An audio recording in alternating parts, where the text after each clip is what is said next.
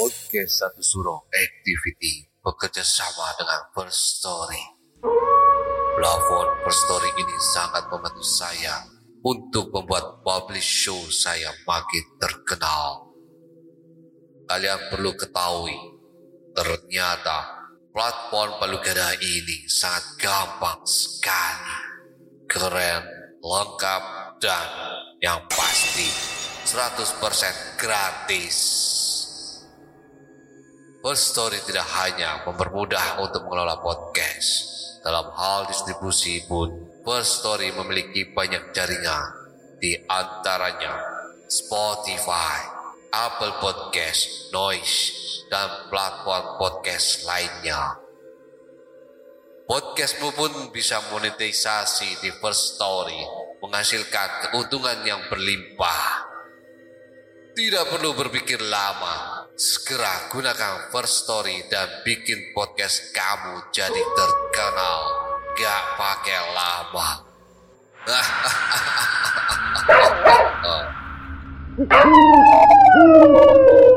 Sugeng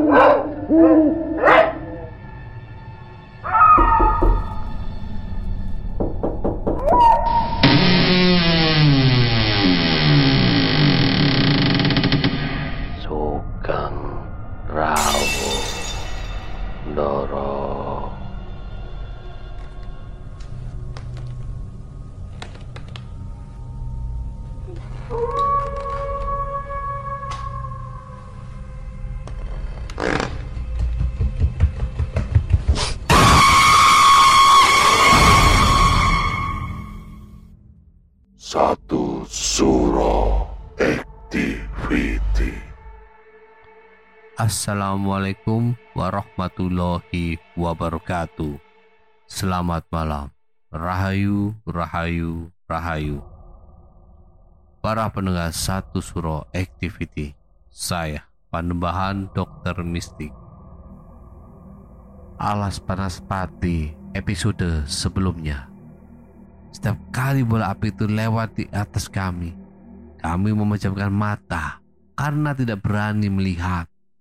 Sampai akhirnya setelah beberapa saat terbang berputar-putar bola api itu menghilang setelah menabrak pohon jati yang ada di tengah dengan diiringi suara letupan lagi. Wes, wes, Alhamdulillah, duh Gusti. Kalimat itu yang pertama aku dengar sesaat setelah api itu menghilang. Kehidupan penduduk desa kadangkala ada beberapa penduduk melakukan pekerjaan di malam hari hingga menjelang subuh. Bahkan mereka menelusuri hutan-hutan sehingga kadangkala mereka pun mengalami hal-hal mistis. Seperti halnya kisah Alas Panas Pati pada malam hari ini. Bagian kedua ending. Selamat mendengarkan. Mengetahui situasi sudah aman, bapakku langsung mengajak kami semua untuk melanjutkan perjalanan. Kami terus berjalan biasa dan sama sekali tidak ada yang berlari. Karena konon menurut cerita yang diyakini oleh warga desa kami, demit panas pati akan mengejar dan terus mengikuti apabila saat ada seseorang yang melihatnya berlari. Saat keluar dari area Jati Urip, kami semua mempercepat langkah agar segera keluar dari kawasan alas panas pati. Kami semua mengurungkan niatan mencari belalang di tempat ini setelah mengalami kejadian tadi. Tak lama kemudian, kami keluar dari kawasan alas panas pati dan mulai masuk di area perkebunan warga. Kami segera mencari tempat yang nyaman untuk duduk beristirahat sambil menenangkan diri kami masing-masing. Obrolan demi obrolan mulai mencairkan suasana yang tadinya sangat tegang dan menakutkan. Tapi lagi-lagi Bah Darmo si makhluk ngeyel itu masih saja mengucapkan kalimat-kalimat yang agak kurang enak. Kalau istilah bahasa Jawanya, nganyel ke. Malam mulai larut dan hasil tangkapan belalang yang kami dapat sebetulnya sudah lebih dari cukup kalau hanya untuk lauk makan satu keluarga. Tapi entah apa yang dipikirkan saat itu, malah beberapa orang di antara kami mengajak semua lanjut mencari belalang di kebun. Tanggung wes, rawon opo-opo, bismillah. Tanggung, sudah tidak ada apa-apa, bismillah. Kata salah seorang dari kami. Mendengar itu, Mbak Dharma pun langsung kekirangan atau istilah Jawanya ngegongi. Dan kala itu, entah apa yang dipikirkan bapakku. Beliau pun tertarik dengan ajakan tersebut. Akhirnya kami memutuskan untuk mencari belalang lagi di area perkebunan. Kami mulai berpencar. Aku dengan bapak berjalan memasuki area kebun jagung. Pak, wangsul mawon pak, pulau wedi. Pak, ayo pulang saja, aku takut, kataku ke bapak. Ora popo, nang kene aman. Gak apa-apa, di sini aman, jawab bapak. Aku sangat kesal mendengar jawaban bapak. Tapi mau gimana lagi? Gak mungkin juga aku pulang sendiri. Perasaanku saat itu sangat tidak enak. Bayang-bayang makhluk api tadi membuatku sangat cemas. Aku terus diam saja sambil berjalan mengikuti bapak dari belakang. Bapak menoleh ke arahku, kemudian bertanya, Opo wadi tenan kue? Apa beneran takut kamu? Tanya bapak. Saya hanya mengangguk sambil menahan air mata saking takutnya.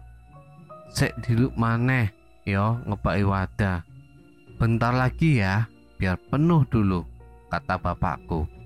Niki wau sing jenengi Banaspati to pak? Itu tadi yang namanya Banaspati ya pak? Tanyaku. Iya, nek wero ojo melayu. Mending dodok ditunggu sak ilange. Iya, kalau lihat jangan pernah lari. Mending jongkok tunggu sampai pergi, jawab bapakku. Nek melayu malah gelem nututi ngoyak kalau lari nanti malah ngejar, kata beliau menegaskan. Oh, ngoten toh. Oh, begitu ya, jawabku. Kemudian bapak mencoba mengalihkan pembicaraan agar aku tidak semakin takut. Rasa cemas yang aku rasakan perlahan mulai hilang. Sambil terus mencari belalang, bapak selalu mengajakku ngobrol agar tidak sepi. Parno, memule ora le. Ayo bareng Simba. Parno mau pulang tidak le? Ayo bareng Simba. Suara Mbah Darmo yang tiba-tiba muncul dari depan mengagetkan kami.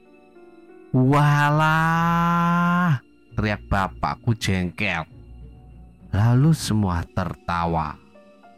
Mendengar ajakan Mbah Darmo, akhirnya bapak menyuruhku pulang duluan bersama Mbah Darmo karena kebutuhan rumah kami berdekatan. Alhamdulillah, kataku dalam hati. Senang sekali rasanya akhirnya bisa keluar dari tempat ini. Setelah aku dan Mbak Darmo berpamitan ke Bapak, kemudian kami mulai berjalan meninggalkan Bapak dan rombongan yang lain untuk pulang duluan.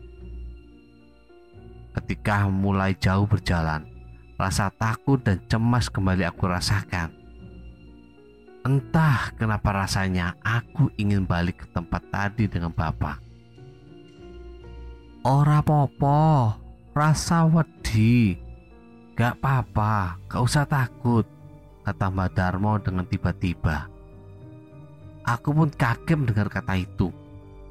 Tanpa ada obrolan apa pun sebelumnya. Kata-kata Mbah Darmo seperti menjawab kegelisahan yang sedang aku rasakan. Kami pun terus berjalan melewati jalan setapak di tengah-tengah perkebunan. Aku merasa perjalanan pulang ini lebih jauh dibandingkan saat aku berangkat. Sudah beberapa saat kami berjalan, belum juga terlihat adanya tanda memasuki daerah pemukiman warga Mbah, bener nih kita dalane. Mbah, bener ini kan jalannya? Tanyaku ke Mbah Darmo mencoba memastikan.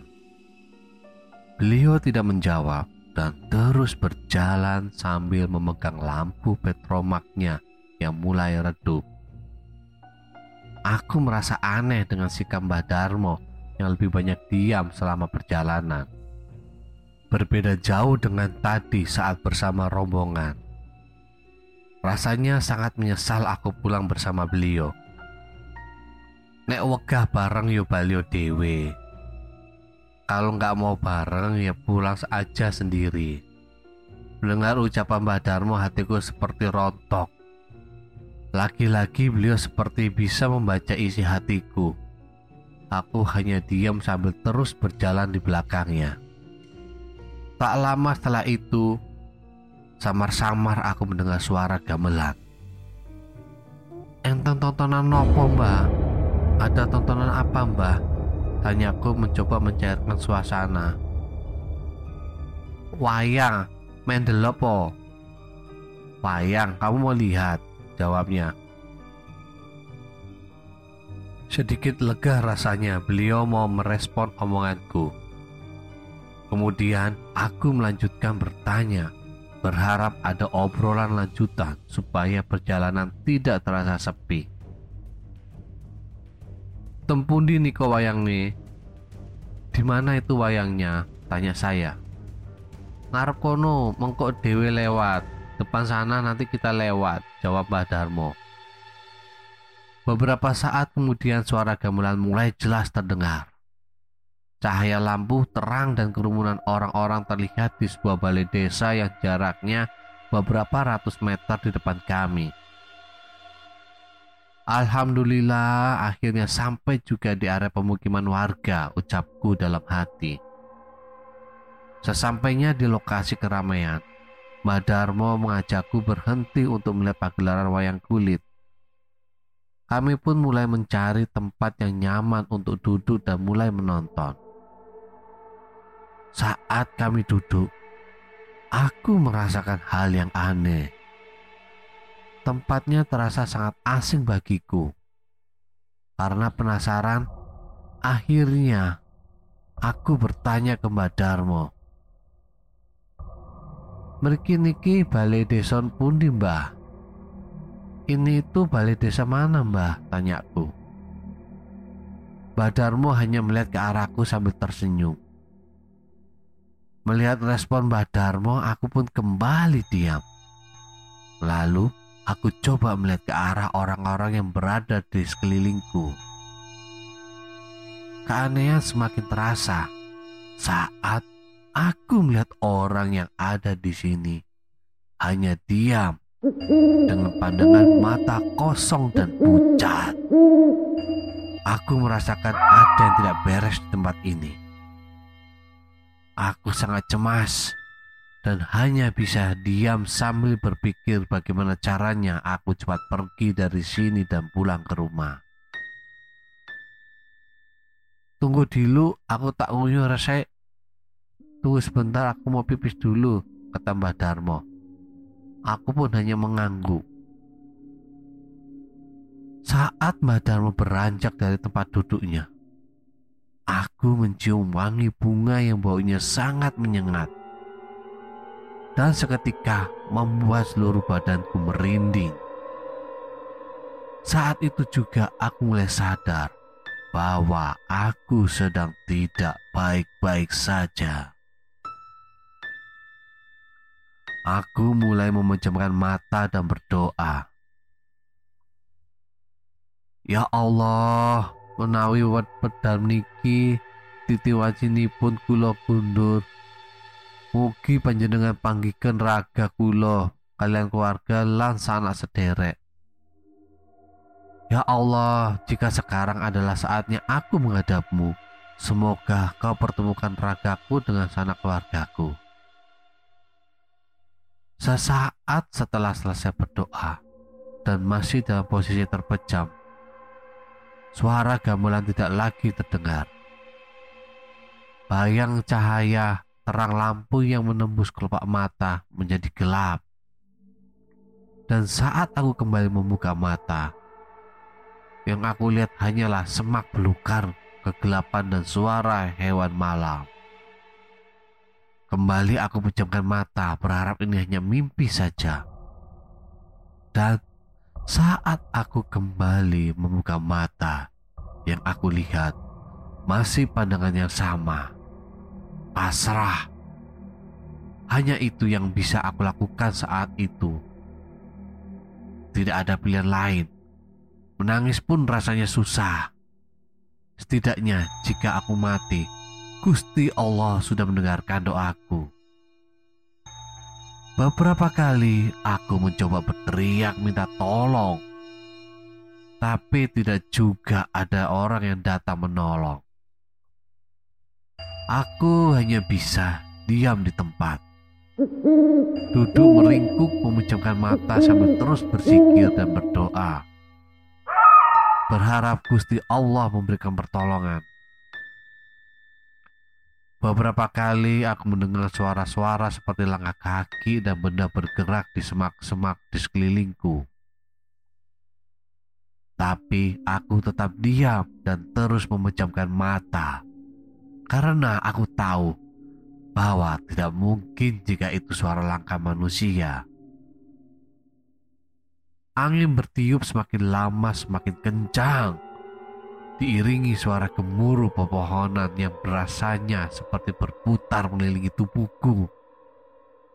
Tak lama setelah itu cahaya yang sangat terang menembus kelopak mataku yang sedang terpejam. Aku membuka mataku perlahan-lahan dan aku melihat bola api yang sangat besar, lebih besar dari yang aku lihat sebelumnya terbang berputar-putar mengitariku. Bola api itu terus berputar hingga membakar pepohonan dan semak belukar di sekelilingku. Melihat api di sekelilingku semakin lama semakin besar. Aku kembali meringkuk memejamkan mata dan menangis sambil terus berdoa Hawa panas dan asap tebal semakin lama semakin terasa mendekat ke tubuhku. Tiba-tiba terlintas dalam pikiranku untuk mengumandangkan azan. Jika ragaku nanti jadi abu dan tidak ditemukan, setidaknya aku sudah mengumandangkan azan untuk diriku sendiri, pikirku saat itu. Lalu aku membuka mata dan segera berdiri. Aku angkat satu tangan, lalu menutup telinga sebelah kanan. Kemudian aku mulai mengumandangkan azan di tengah-tengah kobaran api besar yang melingkar. Allahu Akbar, Allahu Akbar. Sambil kembali menutup mata, azanku kumandangkan sampai di tengah-tengah azan. Hawa panas mulai memudar. Berganti dengan semilir angin yang bercampur dengan asap yang aku rasakan. Aku terus mengumandangkan azan sampai selesai. Kemudian, perlahan aku kembali membuka mata. Aku sangat bersyukur sekali ketika aku melihat kobaran api yang mengelilingiku tadi seketika padam. Hanya tinggal kepulan asap dan abu sisa bakaran yang aku lihat. Alhamdulillah. Allahu Akbar. La ilaha illallah. Kalimat itu terus-menerus aku ucapkan sambil aku bersujud syukur. Saat aku bersujud, samar-samar aku mendengar suara azan di kejauhan. Harapanku mulai muncul ketika aku mendengar suara azan itu. Dan semua keajaiban yang barusan aku alami adalah pertanda baik pertolongan Gusti Allah yang masih memberiku kesempatan untuk hidup. Setelah selesai mendengar azan dan masih dalam posisi bersujud, aku kembali dikagetkan dengan suara seseorang yang tepat berada di sampingku. Leh, Parno. Hati saya rasanya kembali rontok setelah mendengar suara itu. Saya pun kembali menangis masih dalam posisi yang sama. Tiba-tiba dua tangan memegang pundakku dan menyuruhku untuk berdiri. Sambil mata tetap terpejam, aku mulai berdiri perlahan dan tidak berani membuka mata sedikit pun. Ojo wedi le, aku meh mulung kowe. Ayo tak terke bali. Wong tuamu bingung goleki. Jangan takut nak, aku ingin menolongmu. Mari aku antar pulang. Orang tuamu sedang bingung mencarimu. Suara yang sangat lemah lembut aku dengar. Kemudian pelan-pelan aku mulai membuka mata. Aku melihat seorang kakek tua memakai baju serba putih dan ikat surban di kepalanya berdiri tepat di depanku. Jenengan sinten, Mbah? Kamu siapa, Mbah? Tanyaku. Aku diutus kon ngerterke kowe Bali. Ayo ke Bali. Aku diutus mengantar kamu pulang. Ayo pulang. Jawabnya dengan halus. Beberapa saat aku hanya diam dan berpikir. Hingga kemudian dia memegang tanganku dan mengajakku berjalan. Rasanya aku tidak bisa menolak ajakannya. Dia terus berjalan menggandeng tanganku melewati jalan setapak kecil yang terang seperti terkena pancaran sinar matahari. Rasa-rasanya baru beberapa langkah saja kami sudah sampai di ujung pemukiman desaku. Kemudian beliau berkata, Simbah isoe ngeterke mung tekan kene yole. Kue mlaku maju terus rau tola tole mburi. Simba bisanya cuma antar sampai sini ya nak. Kamu jalan maju terus, jangan tengok-tengok belakang. Nggih mbah, matur suwun sangat. Kulo pamit wangsul. Iya mbah, terima kasih banyak. Aku pamit pulang, jawabku. Kemudian beliau menyuruhku berjalan. Aku pun segera memulai langkah. Assalamualaikum. Suara salam beliau aku dengar saat aku mulai berjalan beberapa langkah. Saya kemudian menjawab, Waalaikumsalam sambil terus berjalan ke depan tanpa menengok ke belakang. Karena ingat pesan dari beliau dalam perjalanan, aku terus bertanya-tanya tentang siapa orang tua itu. Dari mana munculnya? Dari mana dia mengenalku? Pertanyaan itu terus ada sampai aku tiba di rumah. Sesampainya di depan rumah, aku melihat rumahku begitu ramai para warga desa sedang berkumpul. Suara tangisan dan bising obrolan orang-orang terdengar dari luar. Kemudian, aku berjalan masuk ke dalam rumah. Dan seketika tangis haru dan bahagia dari semua orang semakin pecah ketika melihatku pulang. Bapakku langsung berlari memelukku, disusul kedua kakakku. Di situ aku tidak bisa menahan air mata. Aku ikut menangis di pelukan bapak dan kedua kakakku. Kemudian, bapak mengedongku untuk diajak masuk ke dalam kamar menemui ibuku yang sedang terbaring lemas karena menangis sejak malam. Tangis bahagia dari ibu kembali pecah setelah melihatku digendong bapak. Ibu langsung berdiri memelukku yang tak lama kemudian pingsan lagi. Mungkin shock, saking senangnya melihatku udah kembali ke rumah. Setelah beberapa saat, kondisi rumah mulai tenang.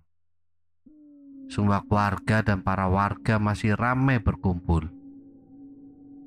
Mereka mulai menanyakan kronologi kejadian yang menimpaku. Aku pun mulai bercerita dari awal perjalanan pulang dengan Mbah Darmo.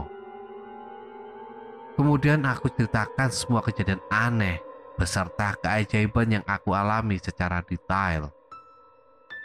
Dan yang terakhir aku bercerita tentang kakek tua yang mengantarku sehingga aku bisa kembali ke rumah.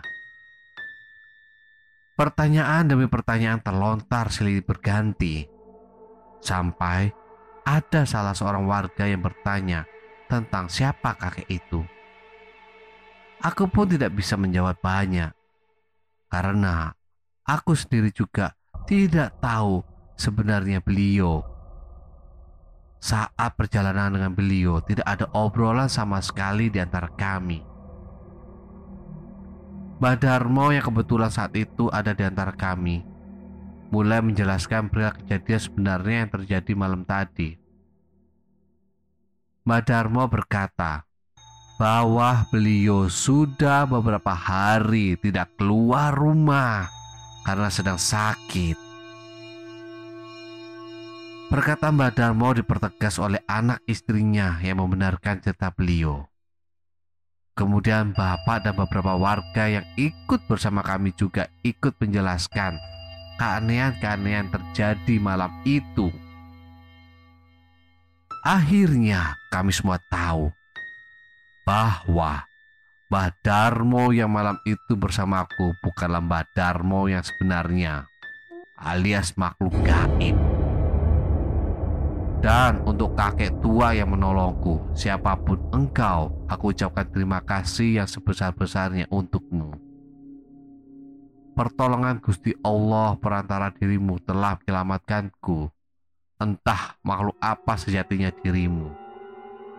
Kudoakan Gusti Allah selalu melindungimu. Semoga kita bisa bertemu lagi.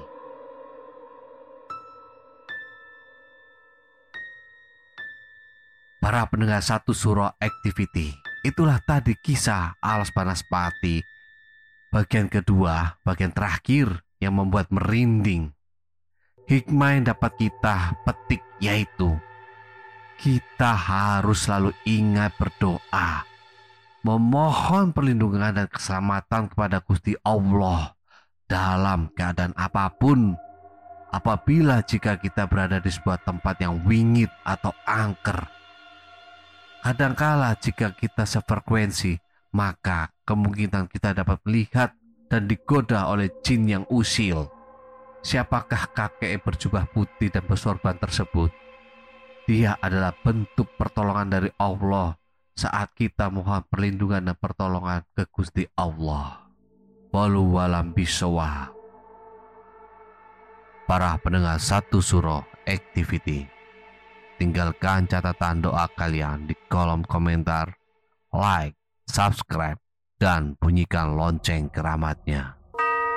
Para sahabat satu surah activity, tetaplah iling lan waspodo. Assalamualaikum warahmatullahi wabarakatuh. Salam, salam, salam. Rahayu, rahayu, rahayu. Sa